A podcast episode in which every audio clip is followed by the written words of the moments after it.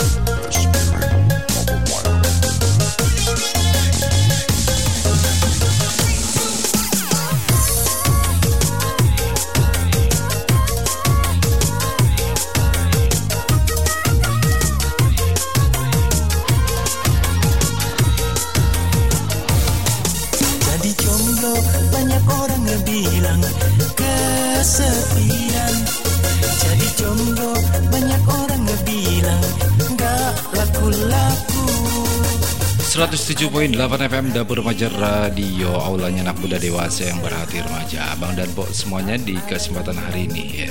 Di hari Senin awal pekan di bulan Juli 2021 Tepat di tanggal 19 10 menit bergeser dari pukul 16 sore Abang dan Pok Di kesempatan hari ini kita menemani Abang dan Po di acaranya Dangdang Dangdut Berdengdang. Dan tentunya di kesempatan hari ini juga saya akan membacakan sebuah artikel yang sudah masuk ke redaksi news Dapur Remaja Radio di kesempatan hari ini ya dan artikel yang sudah masuk di sore hari ini yang berjudul Sindikat Surat Hasil Tes dan Vaksinasi COVID-19 Palsu Harus Ditindak Tegas ditulis oleh Aldia Putra Pandemi COVID-19 telah dimanfaatkan sebagian oknum masyarakat untuk membuat surat hasil tes dan vaksinasi COVID-19 palsu untuk mencari keuntungan pribadi. Masyarakat pun mendukung pemberantasan sindikat tersebut karena dapat membahayakan nyawa orang lain. Pandemi COVID-19 masih belum menemukan titik kapan akan berakhir. Banyak masyarakat mulai tidak sabar dengan segala kebijakan yang ada. Bahkan seberapa oknum menawarkan jasa pemalsuan surat hasil tes COVID-19 baik dengan metode PCR maupun antigen serta surat keterangan vaksinasi.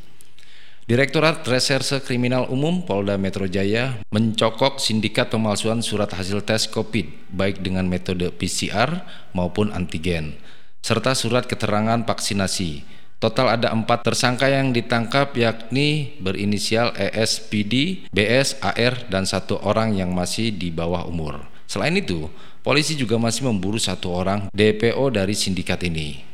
Kabid Humas Polda Metro Jaya, Kombes Yusri Yunus di Mapolda Metro Jaya, Jakarta Selatan menuturkan ada tiga tempat kejadian perkara yang sudah diamankan dalam aksinya. Para tersangka mempromosikan surat hasil tes dan keterangan vaksinasi itu di media sosial. Mereka juga mematok tarif yang bervariasi untuk setiap surat keterangan. Yusri mengatakan, untuk surat keterangan swab antigen dijual dengan harga 60.000 Surat swab PCR dijual dengan harga 100.000, sedangkan kartu vaksinasi dihargai senilai 100.000. Dirinya mengungkapkan, sindikat ini telah melakukan aksinya sejak bulan Maret lalu. Diperkirakan sudah ratusan orang yang menggunakan jasa para tersangka.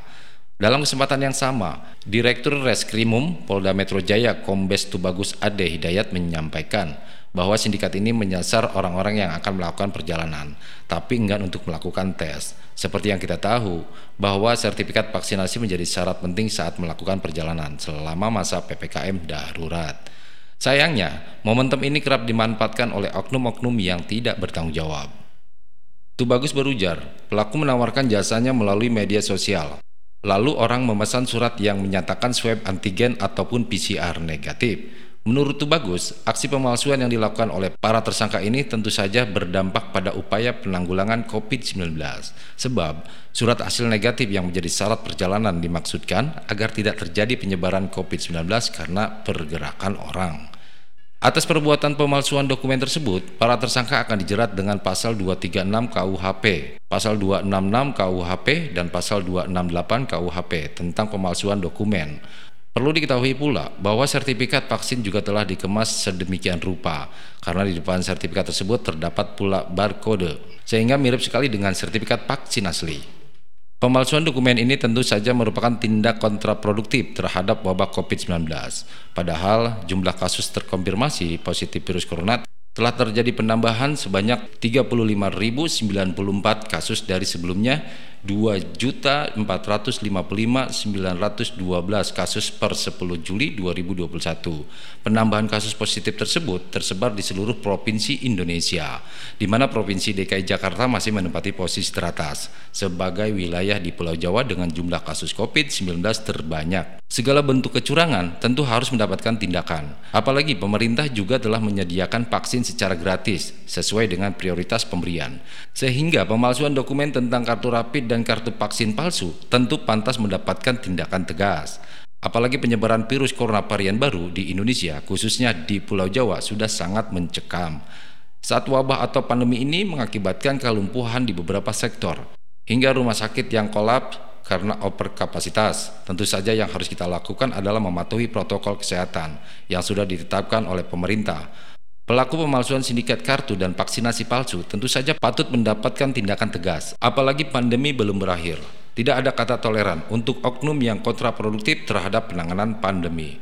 Penulis adalah kontributor Lingkar Pers dan mahasiswa Cikini. Demikian Abang dan Po, kita kembali ke acara Dangdang. Ngobras, ngobrol bareng santai hanya di 107.8 FM Dapur Remaja Radio. Di program ini, Abang dan Bo bisa kirimkan cerita dan curhatan Abang dan Bo untuk dibahas bersama-sama di acara Ngobras. Hadir di setiap hari dari pukul 17.00 sampai dengan 20.00 waktu Indonesia bagian Barat. Ngobras, ngobrol bareng santai hanya di 107.8 FM Dapur Remaja Radio. Dapur Dapur remaja, yeah. Dapur remaja, yeah.